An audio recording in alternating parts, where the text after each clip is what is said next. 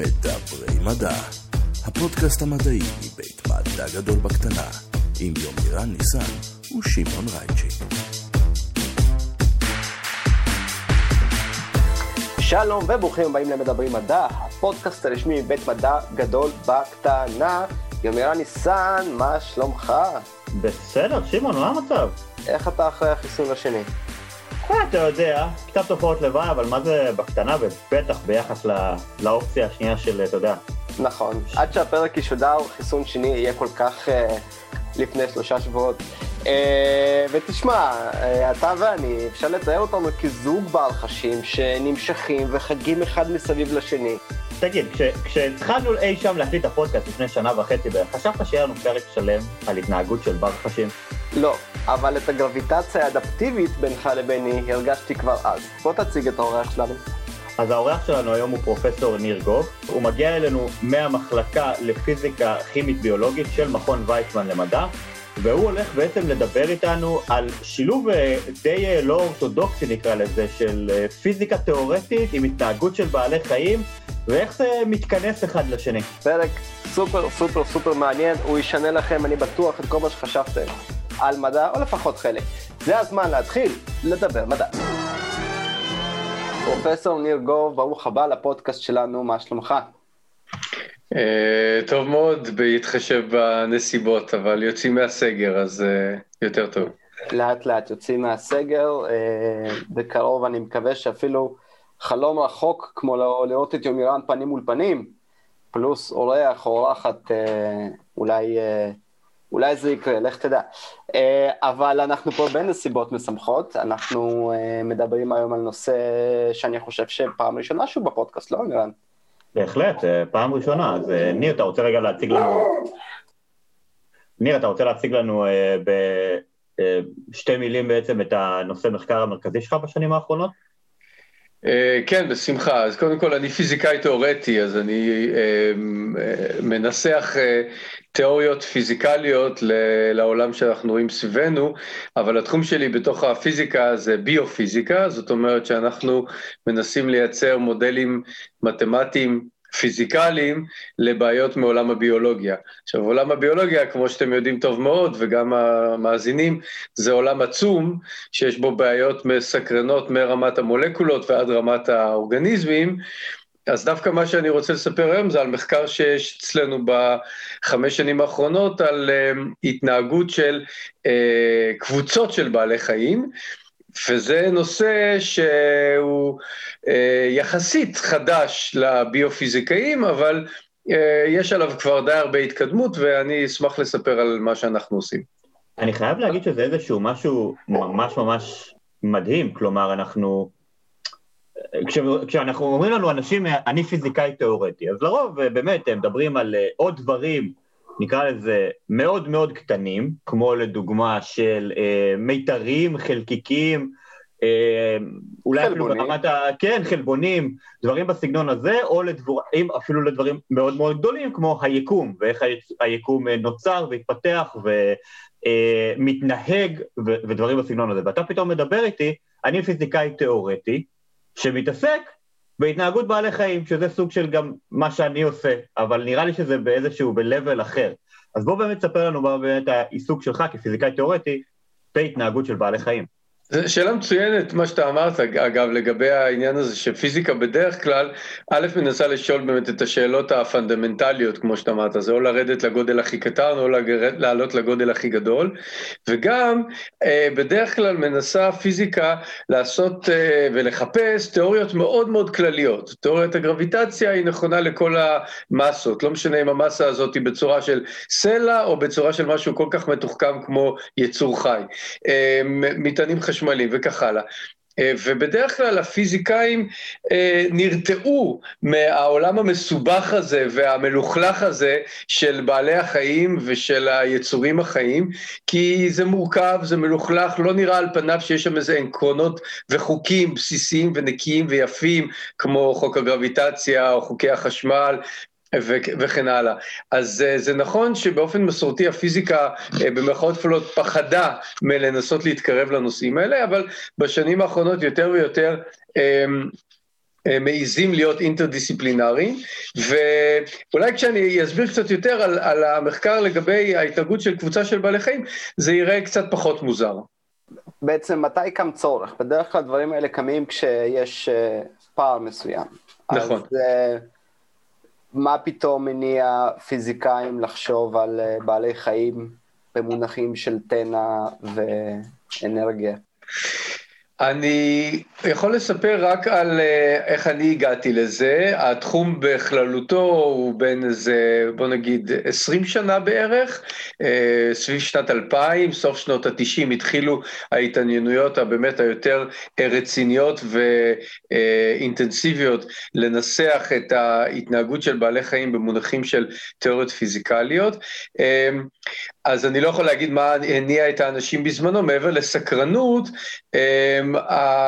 הכניסה שלי לתחום הזה הייתה כרגיל, כמו הרבה דברים, במקרה.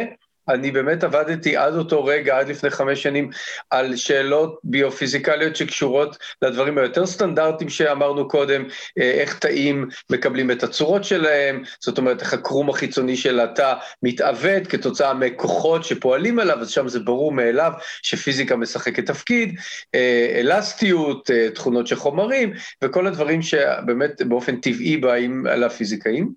וראיינתי סטודנטית והיא אמרה לי, תשמע, אתה מתאר לי איך קבוצה של תאים בתוך הגוף נעה ביחד, ולפחות על פניו, מה שאתה מצייר לי על הלוח מזכיר לי את מה שעושה דוקטור בזמנו, עכשיו פרופסור עופר פיינרמן במכון ויצמן, שחוקר איך נמלים סוחבות ביחד חתיכת מזון שאחת מהן לא יכולה לסחוב, אלא כן. שווה לך לדבר איתו. עד אותו רגע הידע שלי על נמלים היה רק מזה שהייתי משחק בתור ילד ומסתכל על השורות שלהם אל ומהקן, אבל... אתה יכול להגיד זכוכית מגדלת, כולנו היינו שם. זה, כן, או סתם לדרוך עם הרגל, כבר ראיתי את הבת שלי גם כן סתם בשביל הכיף בודקת כמה היא יותר גדולה מנמלה. אבל... Uh, הלכתי לדבר איתו, ובאמת זו הייתה העבודה הראשונה. עכשיו, מה הצורך. כמו שאתה אמרת, זה הכל נובע מצורך. אז הצורך הוא שמגיעים באמת אנשים כמו עופר פיינרמן, שהם ברקע שלהם אנשים שעבדו על תורת המיתרים, והם פתאום עושים סוויץ' והם אומרים, אני רוצה להבין איך בעלי חיים הם מתנהגים. אבל להבין את זה לא רק ברמה התיאורית, הדיסקריפטיבית, אלא להבין את זה ברמה של משוואות. זאת אומרת, באותה רמה, ש... כשפיזיקאי אומר אנחנו מבינים תופעה, למה הוא מתכוון, או היא מתכוונת, הם מתכוונים לזה שיש לנו סט של משוואות מתמטיות, מה שנקרא בעגה יומיומית חוקי הטבע, אבל זה מנוסח בסט של משוואות מתמטיות, שהמשוואות האלה א', מתאימות כמותית לממצאים, ומסוגלות לנבא דברים חדשים שעוד לא נראו. אז כלומר, אני חושב... זה יסודות המדע, תעשה תיאוריה שבונה מודל שעושה תחזיות. נכון, אני יכול להגיד... תחזיות נכונות, אחלה. נכון, מה, שנשים, מה שאמרת עכשיו זה נשמע כל כך טריוויאלי, אבל אה, עולם הביולוגיה לא התפתח בהכרח ככה, ו, ו, ומסיבות טובות, אני לא בא לה, להטיל עליהן ביקורת. עולם הביולוגיה הוא באמת עולם שהוא כל כך הרבה יותר מורכב מאשר אה, לעשות חוקים פשוטים של אה, גוף שנע תחת חוקי ניוטון, שבאמת במשוואה אחת אתה מתמצת את כל התנועות של הגופים אה, שנעים סביבך.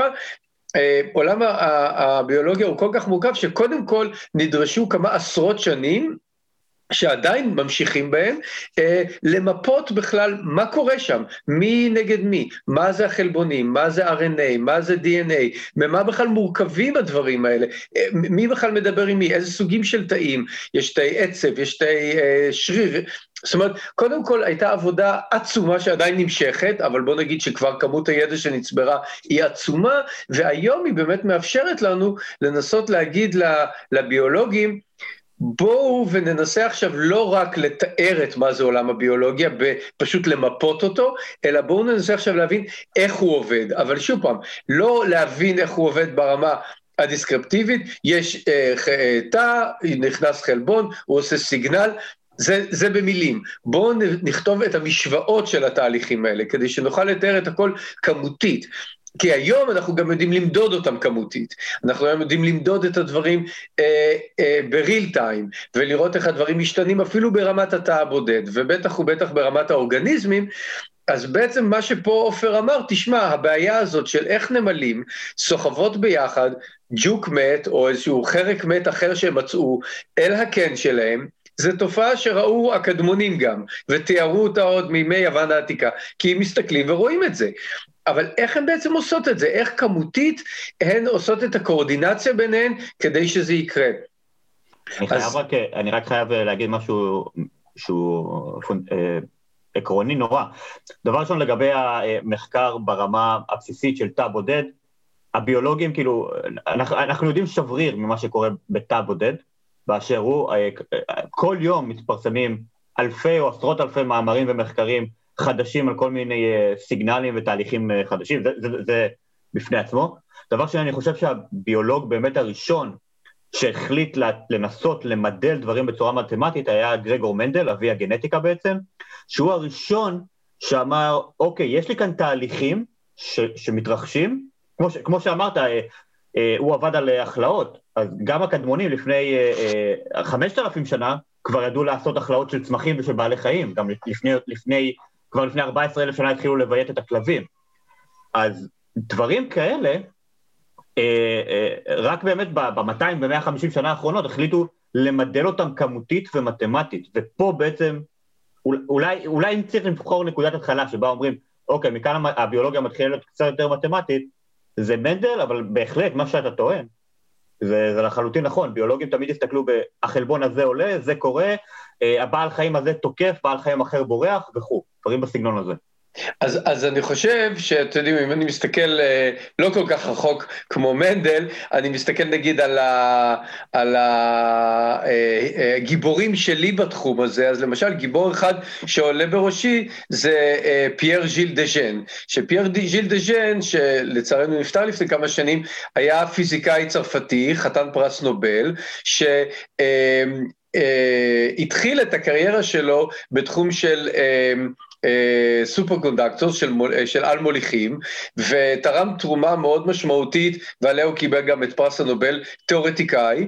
ואחר כך הוא המשיך לתחום, עם, עם, ה, עם הביטחון העצמי שלו, הוא התחיל לתחומים שנקראים אה, חומר רך. חומר רך זה אה, פולימרים, תמיסות, ג'לים, אה, אבקות מעורבבות במים, בוץ, אם אתם רוצים, משחות שיניים, כל מיני חומרים שנורא קשה להסביר בדיוק מה התכונות המכניות שלהם ומה התכונות הפיזיקליות שלהם, והוא החליט להסתער על התחום הזה, הוא כתב כמה ספרים, ובעצם אפשר להגיד כמעט פתח את התחום הזה, ואמר כן, גם החומרים המאוד מסובכים האלה, שעד אותו זמן הפיזיקאים לא רצו להתעסק איתם, כן, שווה להתעסק איתם, ובעצם כשמסתכלים על ההתפתחות של התחום הזה, מבינים שכשהיה את האומץ, ואחרי זה גם את הניסיון, לעבוד עם כל החומרים המלוכלכים האלה, הג'לים והתרכובות האלה, הרכות האלה של חומרים שלא ברור אם הם מוצקים או נוזלים, מזה זה הוביל את אותם אנשים להתמודד עם התאים החיים.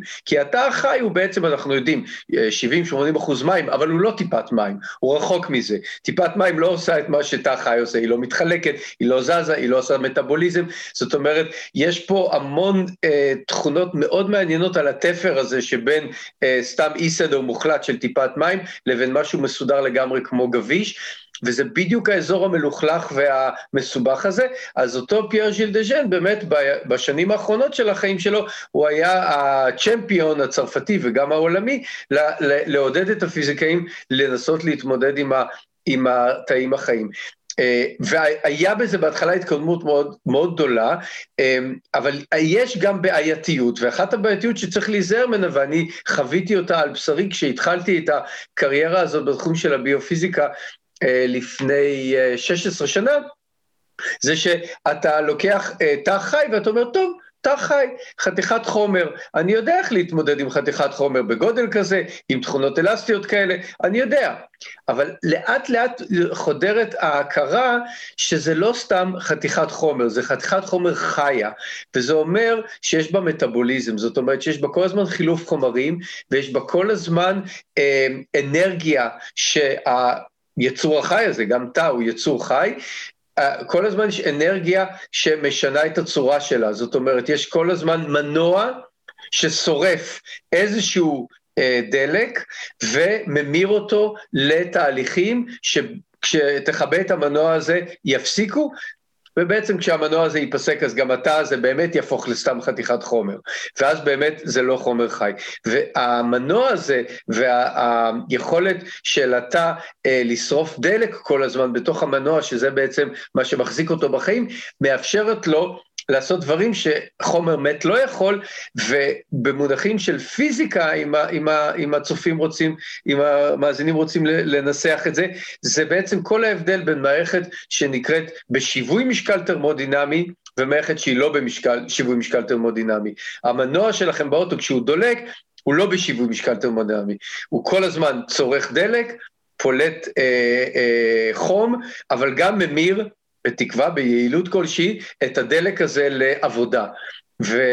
ובמערכות שהן לא בשיווי משקל טרמודינמי, הפיזיקה באופן מסורתי גם כן תמיד ברחה מהם. זאת אומרת, זה עוד לבל של סיבה לברוח מהחומר החי כפיזיקאי. גם זה מסובך נורא, יש שם ברדק שלם של מיליון חומרים בתוך מקום אחד, וגם זה לא בשיווי משקל טרמודינמי. אז איך בכלל אה, מתמודדים עם זה? אמ, אז אני אדגים באמצעות אה, עבודה ששוב פעם לוקחת אותנו לסקאלה הכי רחוקה אולי בעולם הביולוגי אה, מבחינת גודל, וזה באמת קבוצות של בעלי חיים. אז אין, אין יותר סקאלה גדולה מזה כרגע מבחינת העולם הביולוגי, אבל כמובן השאלה על איזה בעלי חיים מדובר. אז הזכרנו נמלים, ועכשיו אני אספר על עוד סוג של חרקים שהתעסקנו בהם, הם חרקים שנקראים ים שושים, עם מם, כן, זה לא איזה אה, טעות שלי בדיבור, אני גם כן לא ידעתי שיש כזאת חיה, הם קרובי משפחה של היתושים, שכולכם מכירים, אבל הם לא עוקצים. אני אוהב אותם מרגע לרגע. כן, למעשה... גם כי הם לא עוקצים וגם כי יש להם את השם הכי חמוד בעולם. זה נשמע כמו איזשהו שדרוג ליתוש מבחינתנו. נכון, האמת היא שאני לא יודע איפה הם כבדו לצון האקדמיה ללשון, אבל uh, זה בלשון העם נקרא ברחש. Uh, והברחשים האלה, כשאתם הולכים לפארק, או לסתם גינת השעשועים בעיר הגדולה, אז אתם רואים עננה של ברחשים כאלה. או סתם ב... לא עושים כלים כמה ימים. זה כבר מסיבות אחרות. אמ, וזה בדרך כלל בשעות הערב או, או הבוקר, זאת אומרת בין ארבעים ולא באמצע היום. אמ, הברחשים האלה הם עננות שמורכבות מזכרים של יצור שאת רוב החיים שלו הוא מבלה כאיזה מין, כמו מין אה, תולעת לארווה כזאת שחיה בשלוליות. וכשהוא הופך לגרסה המחונפת שלו, יש לו אה, יומיים או משהו כזה לחיות, אין לו אפילו איך לאכול. זאת אומרת, זה שהוא, באמת, הוא נולד עם איזה בטריה, וכשהיא נגמרת הוא מסיים את הקריירה. זה הזכרים. הנקבות בערך אותו דבר, רק שהנקבות לא נמצאות בתוך העננה הזאת. הן חולפות דרך העננה במהירות גבוהה יותר, ואיזה זכר בר מזל שהיה מספיק אה, מרוכז לרגע כדי לקלוט שחולפת לידו נקבה כזאת, והגביר מהירות של נפנוף הכנפיים, תופס אותה, אה, מתלכדים ביחד, נופלים מתוך העננה, עושים מה שעושים ואז מתים. אמ, אז עכשיו, השאלה כמובן למה אז הזכרים בכלל מתכנסים לעננה כזאת, כי כמו שאתם מבינים, אין להם הרבה זמן למצוא את הנקבות או לפרסם את קיומם לנקבות, אז אם כל אחד סתם יחכה על איזה אה, עלה שאיזה נקבה במקרה תפגוש אותו, זה לא יקרה. אז הם מצד אחד מתחרים זה של זה, כי הם כולם זכרים בתוך העננה הזאת, אין להם שום סיבה לאהוב אחד את השני, מצד שני הם כן נמשכים אחד אל השני כדי לייצר את העננה הזאת שמגדילה לכולם את הצ'אנס ש, שהנקבה תגיע. אז זה קצת על הביולוגיה של ה-M60 האלה, אבל למה אנשים מהתחום הזה של הפיזיקה, של קבוצות של בעלי חיים, בכלל התעניינו בים 60 האלה? כי יש לנו המון דוגמאות של הרבה בעלי חיים אה, נעים ביחד, דגים בים בלהקות, להקות של אה, ציפורים שככה לפני שהן מגיעות לישון עושות מין אה, אה, מופעים מדהימים של הרבה מאוד אה, אה, ציפורים ביחד, גנו בסוואנה וכולי. אה, כדי לתאר מנקודת מבט של פיזיקה את ההתנהגות של הקבוצות האלה של בעלי חיים שנעות ביחד, כן, אני לא יודע איך קוראים לזה, זה פלוק באנגלית, אה, אני לא יודע איך מה השם של זה בעברית, אה, להקה או... אה, להקה, כן. כדי לתאר את ההתנהגות של להקות כאלה, סך הכל גילו שכל אחד מהפרטים בתוך הלהקה צריך ל- ל- ל- להתנהג בצורה מאוד טריוויאלית, מאוד פשוטה, ובעצם כל אחד מהפרטים בתוך הלהקה צריך להסתכל או להקשיב או להריח את, ה- את השכנים הקרובים שלו ולהסיק את כיוון התנועה שלהם ופשוט לחקות אותם.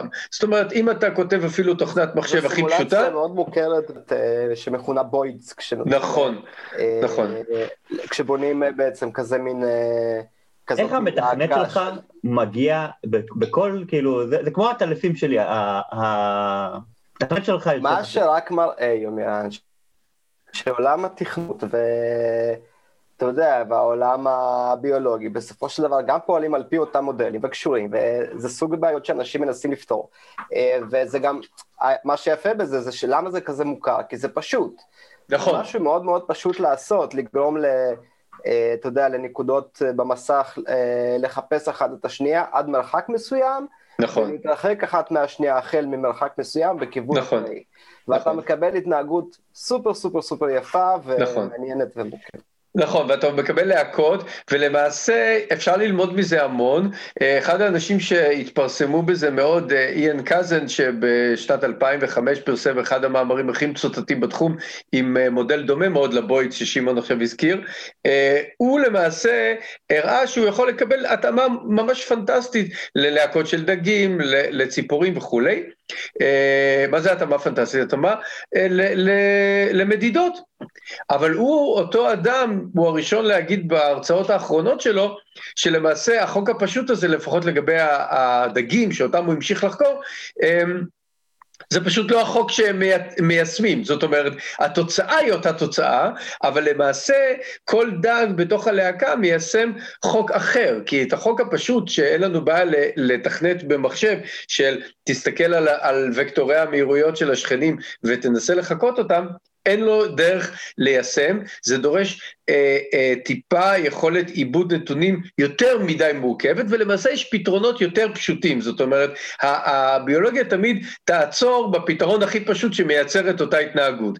אז uh, אנחנו התכנתים יצרנו את הבוידס, כי לנו זה לא בעיה לתכנת את זה, אבל למעשה בעולם של המוח הפשוט של הדג, יש לו uh, פתרונות עוד אפילו יותר פשוטים, ש, ש, ששוב פעם, ברגע שמגלים אותם על ידי זה שחוקרים מה דג באמת רואה בעיניים שלו ולמה הוא מגיב, אז אומרים, אה וואלה, נכון, זה אלגוריתם עוד יותר פשוט, איך לא חשבנו על זה קודם, אבל זה... גם כן מחבר לתכנות מזווית אחרת, יומירן, שהטבע בשנות האבולוציה שלו מוצא פתרונות מאוד מאוד מאוד מאוד יעילים, ש, שאפילו מה שלנו נראה כטריוויאלי ופשוט, הטבע אומר לא.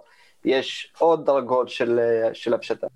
נכון, זה נכון, זה, ו, ו, ותמיד צריך לזכור שמה שאנחנו רואים היום בהתנהגות של הבעלי חיים, זה באמת בדיוק כמו שאתה אמרת, תוצאה של הרבה מאוד שנים של אבולוציה, של בדיקה של כל מיני אפשרויות, וגם הם חיים בעולם של אה, אילוצים אה, תמיד נוספים, שלא תמיד על הרגע הראשון אתה אומר, רגע, למה הוא עושה את זה? כי אתה לא ער לזה שיש לו עוד אילוץ אחר שמכריח אותו לחיות, ועכשיו אומר, אוקיי, במסגרת האילוץ הזה אני מבין למה הוא לא יכול היה לעשות את הפתרון שאני חשבתי מלכתחילה. עכשיו... צריך גם להגיד כן. בהקשר הזה של אילוצים, זה שהרבה דברים מהאילוצים האלה, אלה דברים שבכלל אנחנו כבני אדם או כמדענים או whatever, בכלל לא, לא יודעים, זאת אומרת, יש לפעמים, אתה יודע, דברים בביולוגיה שנקראים מינים קריפטיים, זה מינים שלנו כאילו כבני אדם נראים זהים לחלוטין, ואם אתה מסתכל על ה-DNA או, או אפילו ברמה של התער, התערבבות בין שתי האוכלוסיות, זה אפס, זאת אומרת, הם מינים נפרדים לחלוטין, ואתה כזה, אתה, אנחנו לא יודעים ואנחנו לא מבינים את, את הדברים האלה, זה דברים ש, שהטבע במערכת ייחוס שלו רואה, אבל אנחנו בכלל לא, לא, לא מודעים אליהם, וזה יכול להיות קיים בהרבה מקומות אחרים גם בטבע. עכשיו, הימשושים הנחמדים שהזכרנו קודם, הם לא מתנהגים כמו הלהקות האלה של הדגים והציפורים. הלהקה הזאת של הימשושים, היא, היא לא הולכת לשום מקום, היא, היא קבועה במקום שלה, והפרטים בתוך הלהקה לא נראה שהם הולכים ביחד, הם זזים אחד ביחס לשני באיזה אי סדר מוחלט. אז מה בכלל משמר את, ה, את המערכת הזאת יציבה? מה בכלל מחבר אותה לדבר יציב, אם כל אחד בעצם הולך לכיוון שלו, למה זה לא מת, מתאדה ומתפזר? אז הרבה זמן הפיזיקאים אמרו, טוב, זה איזשהו מין מערכת שהיא כמו הלהקות, אבל אם תוסיף ללהקות רעש, זאת אומרת, כל אחד זז בהתאם לחיקוי של שכניו, אבל בנוסף לזה הוא גם נורא נורא רועש, למה רועש? לא יודע, אז אתה מקבל באמת במודלים האלה, שבאיזשהו שלב מעל רעש מסוים, כמובן שהלהקה מת, מתפרקת, אבל יש נקודה קריטית אחת, בדיוק במעבר הפאזה בין להקה מסודרת שנעה ביחד ללהקה שהתפרקה לגורמים, שהיא בדיוק מתנהגת בצורה שקצת מזכירה את העננות האלה. עכשיו, זה קצת, אה, אה, מצד אחד ריגש את הפיזיקאים, כי מעברי פאזה הם מאוד אוהבים מהעולם הרגיל, המת, אנחנו רגילים אה, מים, עוברים ממוצק לנוזל, חומר הופך מתחת לטמפרטורה מסוימת ממוליך רגיל לאל מוליך, זה, זה מעברי פאזה שהם תמיד מרתקים אותנו, איך חומר משנה בבת אחת את התכונות שלו כתוצאה משינוי למשל בטמפרטורה. אז, אז uh, פתאום היה איזו התרגשות שאולי הלהקות האלה של המשישים הם בעצם אותו דבר כמו הדגים וה, והציפורים, אבל הן בדיוק נמצאות על הנקודה הקריטית הזאת, אבל זה לא נשמע גם מאוד רובוסטי שדבר כזה יקרה. אנחנו התחלנו את העבודה הזאת שוב פעם במקרה, פגשתי חוקר שבא למכון ויצמן לביקור והכריחו אותי ללכת לשמוע הרצאות על נושאים שלא מעניינים אותי, ו... אה, הוא דיבר על זה שאצלו במעבדה הוא עושה עננה של ימשושים אצלו במעבדה. הוא לא הולך לפארק, והוא, בגלל זה יש לו מצלמות מלא כיוונים, מה שבפארק אי אפשר לעשות, ולכן יש לו את המסלולים שלהם ברמת דיוק מדהימה. או, בדיוק באתי. לשאול מאיפה השגתם את המידע, מסתבר שיש אנשים שזה התחביב שלהם. אז זהו, עכשיו זה אצלו היה sidekick, הוא בחור שהמעבדה שלו מתעסקת בטורבולנציה, ובתוך טורבולנציה הוא שם חלקיקים קטנים, שהוא עוקב אחרי התנועה שלהם בתוך המערבולות עם המון מצלמות, וככה הוא חוקר את העולם המאוד מסובך של זרימות, זרימות בנוזלים, ולזה כמובן יש אה, יישומים אה, אדירים בעולם ההנדסי, אז כך שרוב המעבדה שלו, הכסף שלה והכל, זה אה, להבין אה, מערבולות בזרימה, שזה נושא עתיק יומין ובעיה קשה ומסובכת ו- ומרתקת בזכות עצמה, בפיזיקה של החומר המת. זה גם, זה גם בעיות שיש בהן, בהן הרבה מאוד כסף, בגלל הרבה מאוד תעשיות מאוד עתירות ידע, כנראה שבגלל זה... בוודאי. בוודאי. בגלל זה כנראה תקצוב. יש תקצוב, יש עניין, יש הרבה סטודנטים, ובדרך כלל היה לו תמיד איזה בחור אחד או שניים, שהוא שם אותם על הסיידקיק הזה של, של הימשושים, אבל היה לו מידע, והוא סיפר עליו, ואמרתי לו, תשמע, אולי לא, זה לא שכל אחד מסתכל על השכנים הקרובים, מנסה לחקות אותם, אבל יש רעש נורא גדול שהורס לו את זה, זה קצת נשמע לי עקום. בוא נחשוב על זה שאמרת שהם רוצים כולם להיות קשורים זה לזה, אז המילה קשורים יצרה אצלי הפיזיקאי אליי איזושהי מחשבה על משהו כמו גרביטציה, שמסות תמיד מושכות אחת את השנייה. אז אמרתי לו, תקשיב, אולי הקשר ביניהם הוא בעצם ארוך טווח, הם שומעים את הזמזום אחד של השני, ואם הם מרגישים שיש אזור עם יותר זמזום, זה אומר שזה מרכז העננה, והם תמיד הולכים לכיוון של מקסימום הזמזום. אז הוא אמר, אוקיי, זה מעניין, ואז אמרנו, אוקיי, אם נכתוב את המשוואות, ככה שבעצם התאוצה של כל אחד בממוצע היא כלפי הכיוון של עלייה בכיוון, ברעש הזמזום שהוא שומע מכל הימשושים אה, אה, הבודדים, ולמרות המהירות שלהם עדיין, מהירות הקול היא מספיק מהירה, כך שבעצם אפשר להגיד שהאינטראקציה היא כמעט מיידית. אה, אז אם באמת התאוצה היא הולכת כמו אחד חלקי המרחק בריבוע של מקור הקול, וזה באמת איך שהעוצמה של קול דועכת ממקור נקודתי, אז זה נראה כמו גרביטציה. אבל צריך בשביל זה להניח את ההנחה המאוד ספקולטיבית שהתאוצה הממוצע, הממוצעת של כל ימשוש אל מקור הרעש הולכת כמו עוצמת הרעש. אמ, זה נחמד, אבל אתה אומר, רגע, זה עדיין לא מספר לי את כל הסיפור.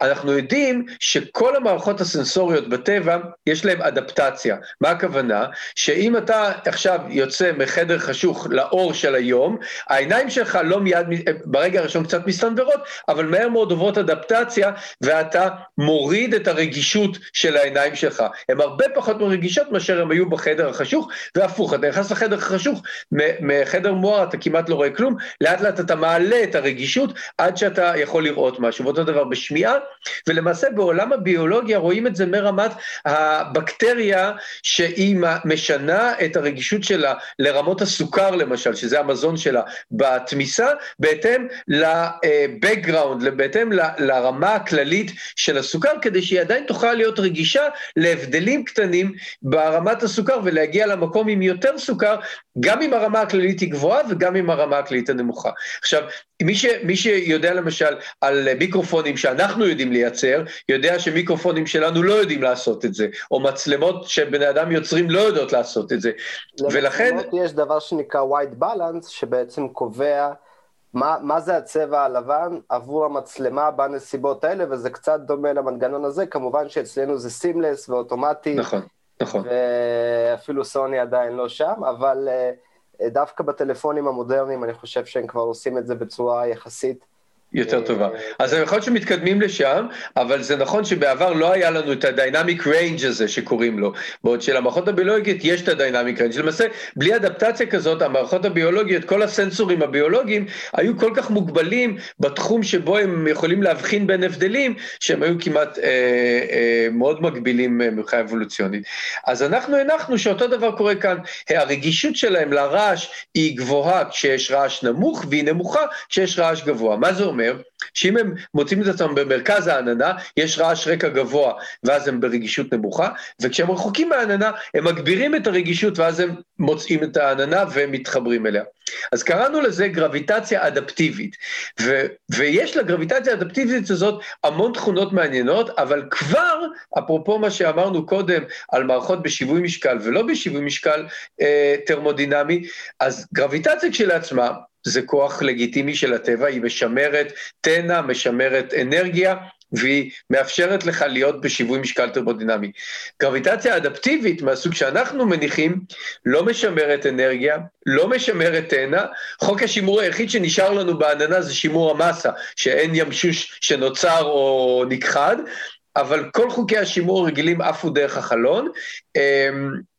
אה, בתמורה, מה שקיבלנו זה מערכת שהיא הרבה יותר יציבה מגרביטציה רגילה. אני אסביר למה אני מתכוון. בגרביטציה רגילה, שני גופים שמתקרבים מאוד אחד לשני, מאיצים למהירות מאוד גבוהה, ולמעשה אם אתם מסתכלים אפילו על גלקסיה, ואתה אומר, אוקיי, גלקסיה זה דבר מאוד יציב, מיליארדי אה, שמשות מחזיקות אחת את השנייה עם הגרביטציה שלה, למעשה הרבה מהגלקסיות שאנחנו רואים, חלקם לפחות, הן לא באמת יציבות, והסיבה היא שמדי פעם יש מעבר של שמשות קרוב לשנייה, וזה גורם להאצה ולעיבוד של שמשות מתוך הגלקסיה, זה תהליך שלוקח המון שנים, ולכן הרבה מהגלקסיות הן בעצמן בנות מיליארדי שנים. אמ, אני מדבר בעיקר על גלקסיות אה, אמ, אה, ספריות, שנקראות גם globular אה, clusters, זה לא הגלקסיות הספירליות כמו שביל החלב שלנו, גם בשביל... עתיקות בדרך כלל, שכבר הספיקו לעבור תהליכים מסוימים ש...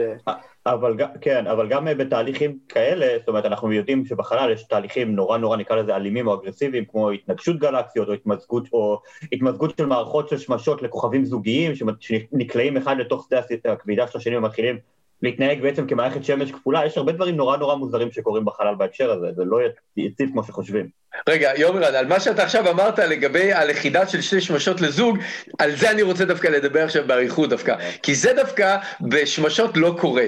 והסיבה שזה לא קורה היא דווקא מעניינת. אתה צודק שאם אתה תסתכל עכשיו עם טלסקופ על השמשות בשביל החלב, זה לא ייראה לנו בעין, כי אבל עם טלסקופ אתה תראה את זה, רוב השמשות הן זוגות. אבל הם לא זוגות בגלל שהם נלכדו אחת עם השנייה, הם זוגות כי הם נוצרו מקריסה של ענן אה, אה, גז, שהוא פשוט לא היה מושלם עגול, הוא היה קצת אליפטי, אז היו לו שני פוקוסים של, של קריסה. אבל זה רוב המקרים, כי באמת רוב המקרים הם אליפטיים. אבל אה, למה לא, לא קורית לכידה כזאת מהסוג שאתה אמרת? כי בגרביטציה חייבים לשלם, לשמר אנרגיה ותנע.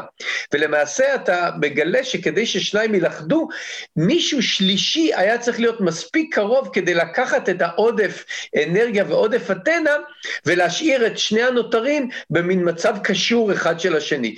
זה קורה בצורה מאוד מאוד נדירה, פשוט מהסיבה שהמרחקים בין השמשות בגלקסיה הם עצומים, וזו הסיבה שאפילו כששתי גלקסיות מתנגשות, למעשה כנראה כמעט אף שמש לא נוגעת ממש בשמש אחרת, כמה שנשמע לא יאומן, כי זה מיליארדים של שמשות בכל גלקסיה, כי המרחקים הם עצומים, ואת זה אנחנו יודעים אה, אם אנחנו רוצים לשגר אה, חללית לכוכב הכי קרוב אלינו, ואתם יודעים שזה יגיע, ייקח לה משהו כמו 200 אלף שנים, גם במהירויות הגבוהות של החלליות. כן, אגב, יומירה, מה שכן מתמזג יפה זה חורים שחורים. אבל הם מאבדים, נכון. הם מאבדים אנרגיה דרך נכון. גלי גרביטציה. נכון, שהתגלו לאחרונה, שהתגלו לאחרונה, שמעון. נכון. לאחרונה, נכון. נכון, נכון. עזוב אותי חורים אוקיי.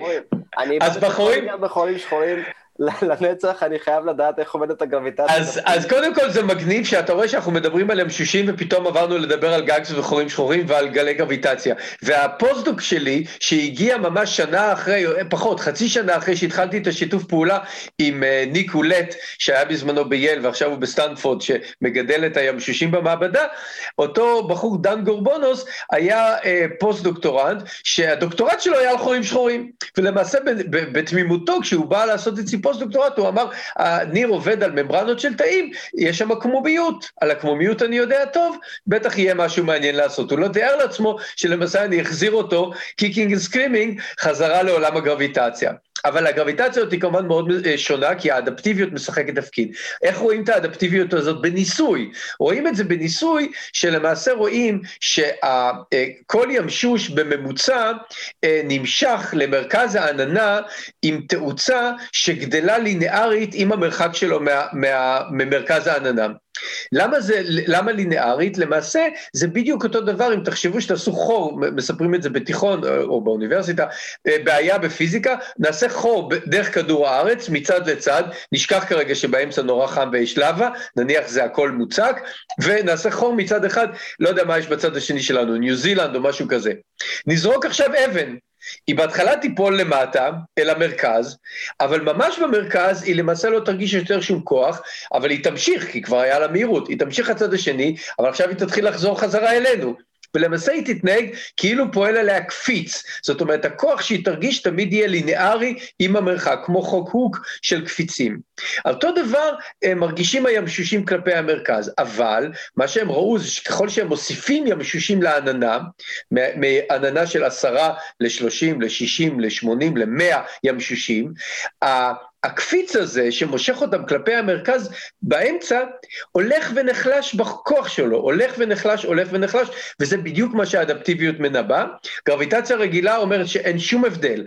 הקפיץ במרכז לא יושפע אם אתה באמצע של אה, מסה גדולה או מסה קטנה, כל עוד הצפיפות היא אותו דבר.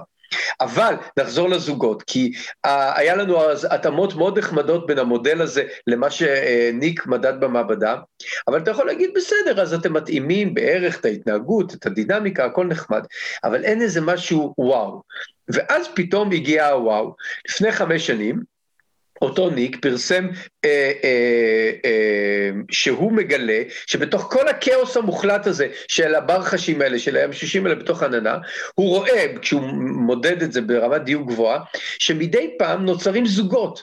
שניים מתחברים לאיזה זוג שעכשיו עושה אה, אה, ספירלה, אחד, מס... לא ספירלה, שעושה מין כמו אה, אה, אורביט בעברית, אה, מסלול. מסלול מעגלי, אחד מסביב. נכון, בדיוק, מסלול, מסלול פריודי, מסלול מחזורי, אחד מסביב לשני, אבל לא סתם פעם אחת במקרה, אלא מספיק פעמים כך שהם יכולים לחלוף ככה דרך כל העננה מספר פעמים עד שזה מתפרק.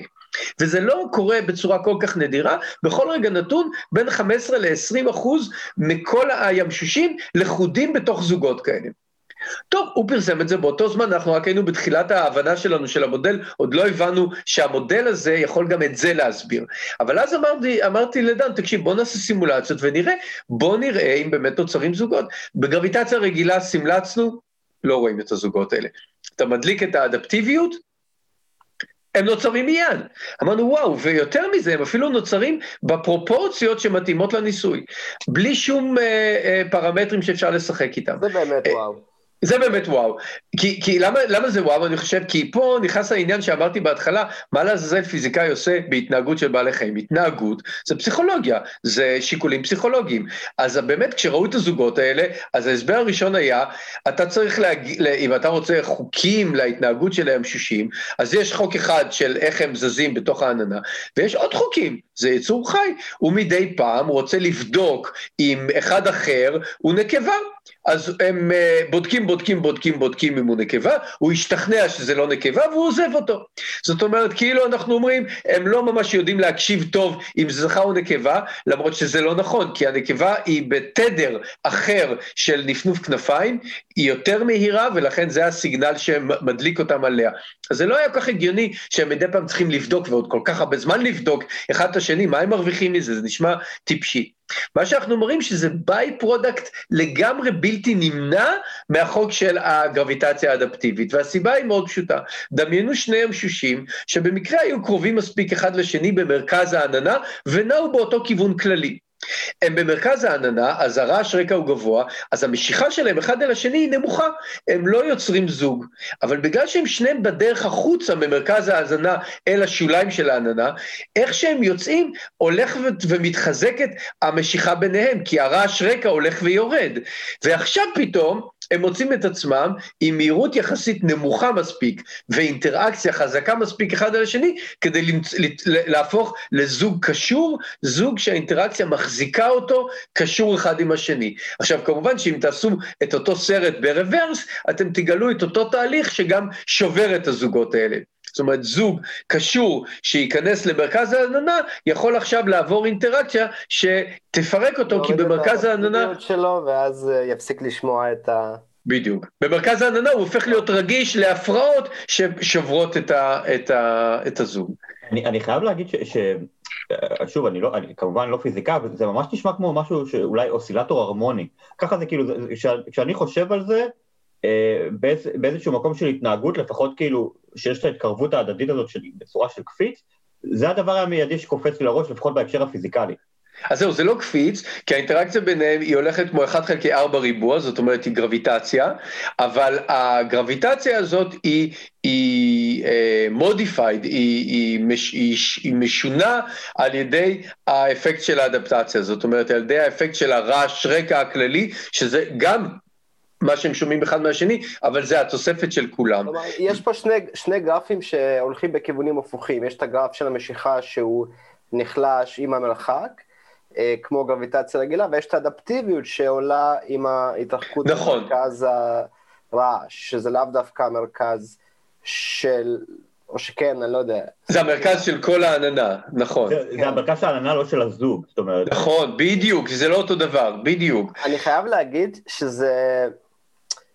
הדבר שהכי בולט לי זה, זה שזה פתרון מאוד אלגנטי, יש בו משהו אה, נורא זורם, זאת אומרת, לקחת ולחבר אה, מין נוסחה כל כך פשוטה למערכת אה, כל כך שונה, וזה להרגיש באינטואיציה שיש פה אה, כוחות דומים, זה נשמע לי כמו אחד הרגעים האלה שבהם נורא כיף לעשות מתמטיקה.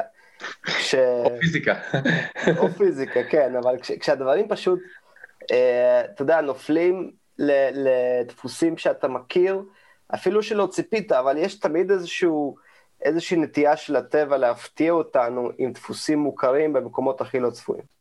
אני מסכים איתך שמעון, קודם כל הרעיון המקורי של להגיד, היי סתם, אה, ניק, תגיד, אולי זה כמו גרביטציה שהם שומעים אחד את השני ופשוט נמשכים אל הרעש, אוקיי, זה רגע של איזה מין התלהבות, שאתה אומר, וואו, רעיון מדליק, אבל אחר כך כשאתה מתחיל לעשות את המתמטיקה שלו, אז, אז אני חושב שהרגע הראשון המשמח היה באמת שהבנו שלמשל, כמו שאמרנו, שככל שהוא מוסיף ימשושים ועושה את העננה יותר גדולה, המשיכה שלהם למרכז דווקא הולכת ונחלשת בגלל האדפטציה, אוקיי, אה, אה, אה, קווליטטיבית, הנה, אני הסברתי את זה במילים, אבל כמותית, ראינו שבדיוק מהמשוואות שלנו, יש ניבוי שהקבוע הקפיץ הזה, הכוח של הקפיץ הזה ייחלש כמו אחד חלקי רדיוס העננה, ואז אתה לוקח את הדאטה הניסויי, ואתה רואה שזה נופל על 1 חלקי רדיוס העננה, ולא 1 חלקי רדיוס בריבוע, ולא 1 חלקי שורש הרדיוס,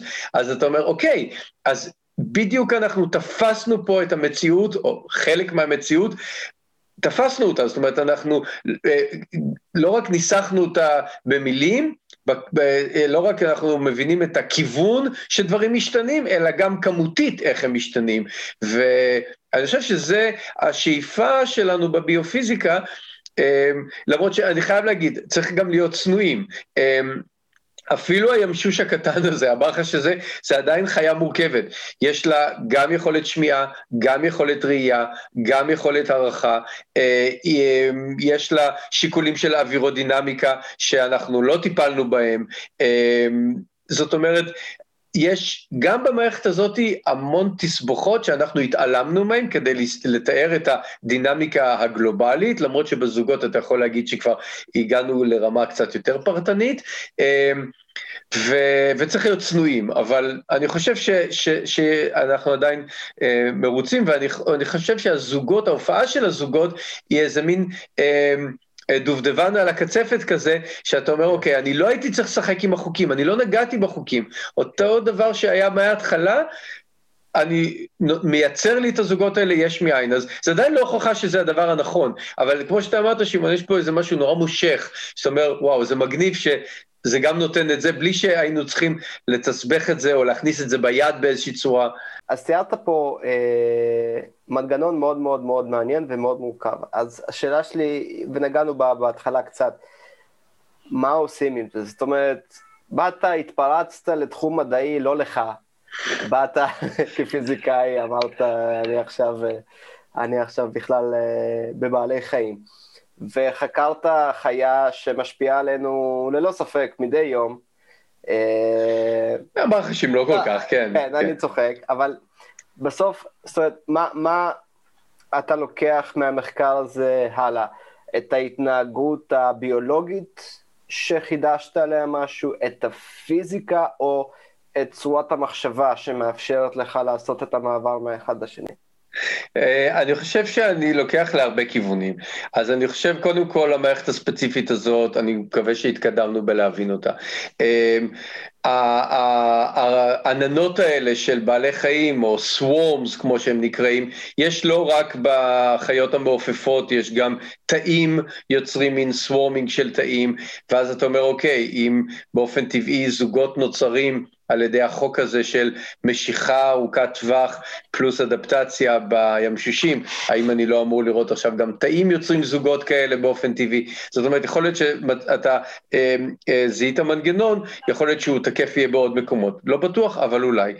לכיוון של בני אדם, אתה אומר, יש אנשים שחושבים על סוורמס של דרונס ורובוטס, אז יכול להיות שאם הם יעשו אינטראקציות מהסוג הזה של ארוכות טווח, אבל שמתחשבות בבקגראונד ובכמות הכללית של הצפיפות של הדרונס מסביב, אז הנה, אתה אומר באופן ספונטני, תדעו לכם, ייווצרו לכם מין זוגות כאלה. וזה גם אה, קל, כי, כי אתה יכול פשוט לשים מיקרופון, לשמוע את הרעש של הדרונים האחרים. למשל. זה מימוש, זה מימוש אה, שעבד טוב בטבע, יכול לעבוד טוב בדרום. הבעיה שיכול להיות שבטבע, אמ, כשיש לך, נקרא לזה גם את האלמנט של הראייה שמשחק שם תפקיד, אתה יודע, ברגע שאתה כאילו מכניס drones אה, אה, לתוך, לתוך ה cluster, וכמות הרעש עולה בצורה משמעותית, כבר זה כמו ל"א, אז יכול להיות שהם לא, לא, לא, לא יוכלו לדעת מה קורה סביבם, והם יתחילו, יתחילו לך התנגשויות ביניהם, כי, כי פה כבר יש איזה משהו שכאילו, מבדיל, אתה מבין? מונע את זה, נכון. כן, יש ביניהם דחייה קצרת טווח, כן. צבא הדרונים שלנו, אנחנו נבנה יותר טוב. אה, אה, שמעון, שמעון, שמעון. דיברנו על זה, דיברנו על זה, אבל אה, דיברנו על זה, נכון? אנחנו, מה שאנחנו עובדים במרתף, לא. אתה יודע מה זה בשבילי פרק טוב של הפודקאסט? פרק שצריך להזמין את האורח שוב? שאתה ואני יושבים ולא מדברים, והאורחים שלנו... נכנסים אה, לאיזשהו נושא ואנחנו יוצאים בצד השני של הפרק, לוקחים אוויר אה, והולכים להקל באיזה מאורע במשך שעה. אה, פרופסור ניר גוב, מה שסיפרת פה היה, היה מרתק מהרבה מאוד כיוונים. אנחנו מדברים פה הרבה על מולטי דיסציפלינריות, וגם בזה הצלחת לחדש לנו חיבור מאוד מעניין, שגם לא היה לנו עדיין בפודקאסט, של אה, פיזיקה וביולוגיה ו... אה, זה אפילו לא פיזיקה, זה פיזיקה תיאורטית, כן. ובשילוב של ביומכניקה, בשילוב של התנהגות. זה, משהו מאוד מורכב פה. אה, ובסוף הכל עובד לפי אותן נוסחאות שאנחנו מכירים ממקומות אחרים. זה... עם טוויסט, עם טוויסט. עם טוויסט, עם טוויסט, אבל נכון. איזה יופי, זאת אומרת, זה, זה מסוג הדברים שאני, אה, אתה יודע, אני מוכן אה, כל היום לדבר עליהם. אה, אני מקווה שהמאזינים מעריכים את זה גם כן אה, באותה מידה. אה, זה הזמן שלנו. אנחנו, וואו, אני לא שמתי לב בכלל איך הזמן בפרק הזה עבר. אה, אבל אה, אני חושב שצריך להגיד בשלב הזה תודה לפרופסור ניזור, תודה רבה על הזמן שלך. תודה לכם, היה כיף.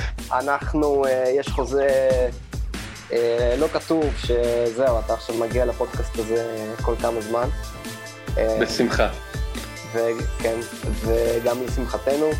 אז עד הפעם הבאה, הפרק הבא שלנו כבר בקנה, תשמעו איתנו על קשר בכל אמצעי המדיה החברתית. יומירן ניסן, עד הפעם הבאה. תמיד עונג שמעון. להתראות.